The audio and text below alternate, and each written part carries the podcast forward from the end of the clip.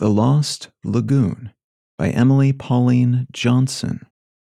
It is dusk on the lost lagoon, and we two dreaming the dusk away, beneath the drift of a twilight gray, beneath the drowse of an ending day, and the curve of a golden moon.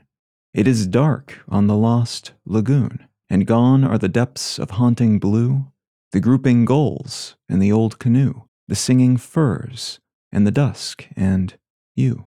And gone is the golden moon. O lure of the lost lagoon, I dream tonight that my paddle blurs the purple shade where the seaweed stirs. I hear the call of the singing firs in the hush of the golden moon. The Lost Lagoon by Emily Pauline Johnson